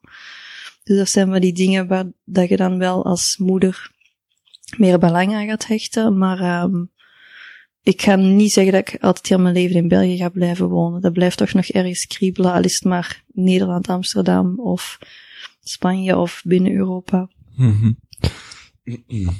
Ik ga nog een paar snelle vragen stellen. Ja. U, mag daar, u mag daar snel of, uh, of, of niet zo snel op antwoorden. Um, welk middelbare vak zou u verplichten? Um, mag ik er twee kiezen? Het is mijn vraag, het is uw antwoord, dus uh, okay. zeg maar wat u wilt. Ondernemen en filosofie. Die worden beide nog niet of niet zo, zo afgeleid gegeven? Nee, nee. Um, en met filosofie bedoel ik dan meer zo uh, de, grote levensvragen, gelijk uh, de School of Life. En ondernemen meer van, ja, hoe, ja, hoe, richt ik een zaak in? Hoe stel ik mijn zaak voor? En misschien nog een derde vak, wat eigenlijk nog veel belangrijker is, mediawijsheid. Of leren omgaan met media, met social media, met leren, kinderen leren waar reclame is, uh, leren hoe dat privacy op het internet werkt. Die drie dingen. Ik heb nogal eens die discussie gehad over mediawijsheid aan kinderen. Mm -hmm. En ik kwam steeds terug tot het punt dat ik vond dat er heel veel ouders of volwassenen eerst zelf maar eens zo'n cursus moeten ja, gaan volgen heel veel mensen die, uh, die bijvoorbeeld bevallen, kinderen, foto's van hun baby's, totdat die kinderen dan 15 zijn of zo, maar online zwieren. Ja. Waar moest je dat eigenlijk bijhouden? Mijn moeder heeft een foto van mij waarin ik als baby de drolletjes op het, op het bad leg. ja, maar ik zou daarom niet per se willen dat nu die foto online staat en zomaar iedereen in mijn gezicht kan duwen. Niet dat ik het zo erg zou vinden, want dan zou ik het ook niet vertellen. Maar heel veel, als u zegt een mediawijsheid, denk ik altijd zo van, ja, er zijn eigenlijk heel veel ouders die best ook eens, uh, of volwassenen, ja. ook zo'n cursus zouden krijgen. En als u zegt filosofie, um, um, de wereld in vraag stellen, uzelf in vraag stellen, dan, algemeen wordt daar, wordt daar niet genoeg aandacht aan gegeven? Goh ja, je hebt uh, waarschijnlijk zo één vak um, levensbeschouwing, hè, als, je, als je naar een uh, niet-katholieke school gaat. Maar ik bedoel eerder van, um, um, hoe voert je een interessant gesprek met iemand? Wat is empathie? gelijke rechten voor mannen en vrouwen? Zitten mannen en vrouwen anders in elkaar? die echte grote dingen of de grote ja, vragen. Over tijd ook, over, over, uh, over, over haasten, over ja, de dingen waar eigenlijk iedereen elke dag mee bezig is, maar nooit geleerd heeft om over te praten. Mm -hmm. Heeft u een favoriet boek? Uh, dat zal dan eerder een, een stripboek of een, uh, of een beeldroman zijn. Welk? Goh, ik heb een kast vol, dat is moeilijk om er eentje uit te kiezen. Mm -hmm. Maar ik ben niet zo'n lezer. lezer. Oké. Okay. Een documentaire of film? Goh, ik vergeet alles heel snel. Ik ben nu keihard Netflix aan het. Dus nu heb ik net uh, Making a Murderer gezien. Die vond ik echt heel goed. Maar um, nee, ik heb niet zo één, één of drie films die ik Er staan zoveel goede dingen, ik kan nooit kiezen. Mm Als u, um, um, nee, ik ga eerst een andere vraag stellen. Behalve een romantisch diner of een film samen, waar, waar geniet u nog van met uw partner? Met uw man? Keert in de zetel liggen, stinken en Netflix, Netflix kijken. nee, um, sowieso vrienden. Vrienden vind ik echt minstens even belangrijk als een relatie. En dan zo samen met dezelfde goede vrienden op stap gaan of gaan eten, vind ik echt heel, heel fijn. Met de man erbij? Of onder de vriendinnen? Of met of zonder, maakt niet uit. um, uh, ik weet niet of ik de vraag eigenlijk al gesteld heb, maar aan wie denkt u bij het woord succesvol? Want, want we hadden het daar straks even op, over succes, maar ik denk niet dat ik hem zo gesteld heb. Maar als er één persoon is die te binnenvalt? Ja, dat vind ik echt een moeilijke vraag. Ik denk dan zo eerder aan een uh, Steve Jobs, maar dat is volgens mij omdat hij altijd zo is voorgesteld als succesvol. Wie, aan wie denk ik als ik succesvol zeg? Ja, die ga ik even passen. Ja, ja kan. Want, uh, want wat u net zegt van Steve Jobs, ik, uh, ik was zelf denk ik een interview aan het beluisteren. Het ging over Abraham Lincoln, die toch voor veel mensen enorm veel heeft betekend. En die man zei ook van, ja, maar Abraham Lincoln, als we door zijn notities gaan, die was gewoon 70% van de tijd zwaar depressief, die man. Dus die heeft wel van alles gedaan en, en die zijn, die zijn bijdrage in de geschiedenis is, is enorm. Maar of hij zelf, als je hem zo vraagt, zijt je succesvol? Die man was gewoon voor het grootste deel van de tijd zwaar depressief en die zou nooit hebben, moest je hem van dag tot dag hebben gevolgd, zou je denken, was dat voor een zot? Alleen. Mm dan, en dus het is gevaarlijk natuurlijk om dan bijvoorbeeld te zeggen dat Steve Jobs is succesvol, omdat hij, terwijl je eigenlijk niet weet of hij echt wel gelukkig was of niet. Um, beste aankoop van rond de 50 euro, de laatste tijd, de laatste maanden. Die ik heb gedaan. Ja. Ik koop zo weinig. Dan moet ik denk ik weer al zeggen van... Dan toch weer stripboeken, denk ik. Of tekenpennetjes, maar dat was maar, dat was maar 10 euro. Ah, wat mag, sorry, het mag ook minder zijn. Ja. Ik heb net toevallig um, echte goede tekenpennen gekocht. Daarvoor tekende ik altijd zo met goedkope zwarte stiftjes. En nu ben ik echt naar een hele chique tekenwinkel geweest en ik heb echt vier of vijf professionele tekenpennen gekocht. Welke? Weet u dat zo van buiten? Nee, ik ken het merk niet. Maar het is zo met hele mooie gouden lettertjes en zo'n heel fijn puntje. En ja, dat is echt een gigantisch verschil. Ik snap niet dat ik altijd daarvoor met die uh, goedkope pennetjes heb zitten tekenen. Wat kost dan een dure pen? Is dat 5 euro voor, voor één? Ja, je hebt er verschillende. Hè. Je hebt er um, die dat inderdaad 5 euro kosten, of uh, 9 euro of 12 euro. Oké. Okay. Even kijken. Wie zou u nog willen ontmoeten? Wie zou ik nog willen ontmoeten?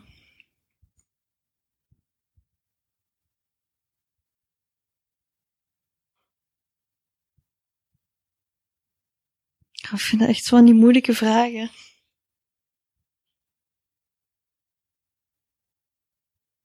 Nee, ik ga even passen, sorry. Geen probleem.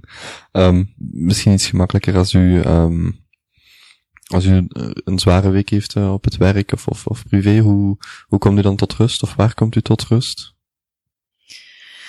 Waar kom ik tot rust? Het fijnste is dan als mijn kinderen even niet thuis zijn en naar de Giro zijn en dat we zo zondag een hele namiddag stilte hebben in huis, want dat gebeurt bijna nooit. En dat ik um, weer gewoon in de zetel kan liggen en een boek kijken of een bad nemen of, uh, of s'avonds een glas wijn drinken of uh, bij een vriendin op café gaan. De typische kleine dingen. Mm -hmm. en, en, hoe beloont u zelf? Bijvoorbeeld die Kickstarter campagne, um, sorry, die crowdfunding campagne loopt goed of, of, of u heeft een nieuwe oplage die 5000 exemplaren verkoopt. Hoe beloont u zelf dan? Oh, dat doe ik eigenlijk niet zo. niet zo bewust, toch niet. Ja, dan gaan we wel eens uit eten of dan uh, geven we een feestje. Maar vorige keer hebben we met tweede boekzin een feestje gegeven. Voor de lezers ook. Dat was ontzettend leuk. Dat was echt heel fijn. Jullie hadden een aankondiging gedaan om ja. met de lezers hier naar de Boerentoren te komen of, of ergens anders? Dat was in de storm in uh, Antmas in Antwerpen. Dan hebben jullie een klein feestje met de met lezers en de staf en de redacteurs ja. en redactrices gedaan. Ja, dat was heel leuk. Ja. Um, als u 30 seconden heeft voor een boodschap van algemeen nut, wat zou u delen met uw landgenoten?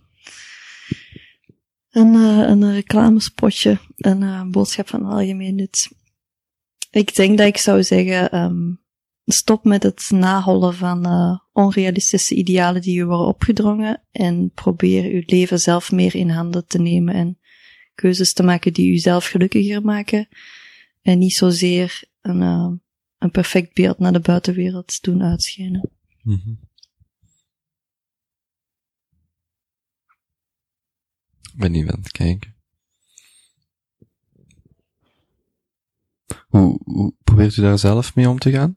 Is het moeilijk voor u om, om want u staat aan het hoofd van een magazine, u, u schrijft over uh, de kleine dingen. Uh, hoe, hoe probeert u zelf niet in die val te trappen waar bijna iedereen in trapt? Um, ja, dus dat gaat van kleine tot, tot, tot meer grotere dingen. Bijvoorbeeld, ik draag bijvoorbeeld bijna nooit hoge hakken of korte rokjes of uh, ik draag ook heel weinig make-up of zo. En ik merk wel als je een, een hoge functie of een topfunctie heeft, hebt, of je bent een, een, ja, een, een vrouw van mijn leeftijd, dan wordt dat vaak verwacht van u dat je er altijd op een bepaalde manier uitziet. En ik doe die dingen niet graag, ook wel. Ik heb steunzool, ik heb keischeve benen. Dus ik kan sowieso niet lopen met hoge hakken. En ik heb een hele lichte gevoelige huid, dus ik draag niet graag make-up. Maar op die manier beslis ik wel elke dag om tegen dat heersend schoonheidsideaal in te gaan. En nu is dat geen keuze niet meer, maar soms word je wel geconfronteerd met dat feit dat iedereen anders dat wel doet, maar jij niet. Um, maar op, ja, ik ben er nu wel, denk ik, oké okay mee dat ik daar mij niet meer geen zorgen over maak. Of dat, ik denk, ja, take it or leave it of zo. Um, ja, dat, zijn, dat is zo een van die dingen. En voor de rest, we hebben gewoon één auto thuis, die wij niet zo heel veel gebruiken. Wij doen geen dure, dure vliegvakanties of, um, ja, um, we hebben geen dure merkleren. Wij proberen maar zo gewoon te leven zoals we zelf denken dat oké is. Mm -hmm. Bent u natuurmens? Nee, eigenlijk niet zo. Je moet me echt zo, geen, geen... Zo denken ja? van wel. Ja, maar nee, eigenlijk, nee, kamperen is echt niks voor mij. nee. De mooiste plek die, die iedereen in België aanraadt? In België? Ja, in België. De mooiste plek in België? Oh, dat vind ik moeilijk, want België is eigenlijk een heel lelijk land. ja, ik heb zoveel plaatsen al gezeten in de Caraïben, in Brazilië. In Marokko, er zijn zoveel honderden plekken mooier dan in België. Als u uit een van die plekken mocht kiezen, een plaats waar iedereen nou zou toe moeten gaan, als ze de kans hadden? Uh, Rio was heel indrukwekkend, um, maar ook zo bijvoorbeeld um, de, de hoofdstad van Curaçao. Um, we zijn alle huisjes zo in heel mooie pasteltinten uh, geschilderd. En dat was super, uh, dat is echt juist zo precies een beetje een sprookjes, sprookjes dorp. Uh, en onder water ook gewoon, onder waterwereld. Mijn man heeft mij leren duiken. Ja, dus eigenlijk met alle koralen die vissen daar is eigenlijk een heel, een wereld die, die je niet kent of amper ooit ziet. Maar als je daar tussen kunt zwemmen, tussen kunt kijken, dan beseft je al van wauw, het is gewoon een tweede wereld waar we niks van af weten. -hmm. Terug naar onze wereld. Een politicus waar u veel begrip voor heeft? Oh, ik volg eigenlijk de politiek niet zo. Ik ben er al zo vaak door gedesillusioneerd. Uh, en vaak vind ik dat die heel veel lopen te praten en discussiëren en ruzie maken, maar weer weinig effectief veranderen. Dus nee, eigenlijk niet meteen iemand die ik enorm inspirerend vind. Een, een, BV die, uh, die beter politicus zou worden? Valt er zo iemand te binnen? Alles maar voor meer humor in het parlement of, of voor leukere discussies en debatten op tv? Um...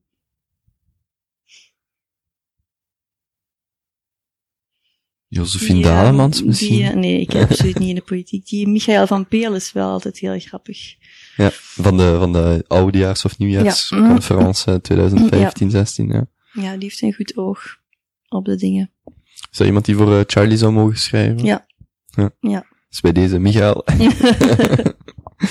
um, u zei net, rond uw 25e zat u midden in uw, uw wereldreis of, of in uw ontdekkingsreis. Um, als u raad mocht geven aan uw 18-jarige zelf, wat zou u, wat zou u meegeven of zeggen? Uh, dan zou ik zeggen van, um, ga op Erasmus of ga sowieso een jaar in het buitenland studeren. Ja, dat sowieso. En verder, ja, geniet van alles. Als je 18 bent, heb je nog geen verplichtingen. Je moet nog geen huur betalen. Je bent nog zo vrij als een vogel. Je hebt nog geen kinderen. Ja. Je haalt gewoon alles uit het leven wat eruit te halen valt. Zeker op die leeftijd. En uw 30-jarige zelf? Mijn 30-jarige zelf. Moest ik daar als 18-jarige of, of wat is het? Nee, nu vanuit, van, van, vanuit vandaag. Ah, ja, oké. Dan zou ik zeggen, um, alles komt wel goed. Ik weet toen ik 30 was, had ik, uh, net, was ik net moeder geworden van mijn tweede zoon. En die sliep altijd super slecht en ik dacht van, oh, dat gaat nooit goed komen. Mijn leven is voorbij. Ik slaap echt vier of vijf uur per nacht en ik ben een keisrechte moeder en oh, super labiel. En dan zou ik nu tegen zeggen van, alles is een fase en alles komt uiteindelijk wel goed. Ja.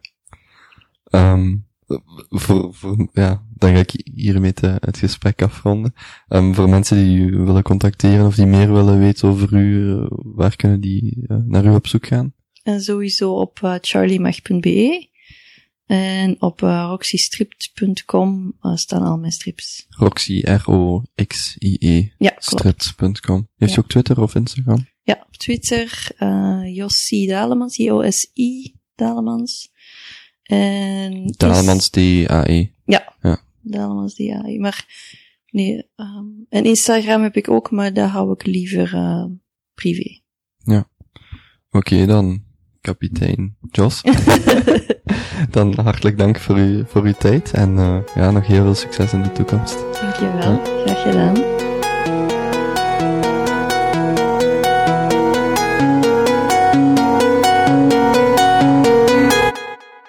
Voilà, dit was mijn aflevering met kapitein Jos. Allee, ja, kapitein Kobe met kapitein Jos. Ik hoop dat je ervan genoten hebt. Voor meer informatie, voor meer informatie check kapiteinkobe.be slash Jos. En daar ga je alles vinden wat je nodig hebt. Laat Josephine iets weten op Twitter, at Dalemans, of op, op charliemac.be. En wel, tot volgende week met meer, meer, meer en nog eens meer, want Adil El Arbi komt eraan. Tot de volgende week. Yo!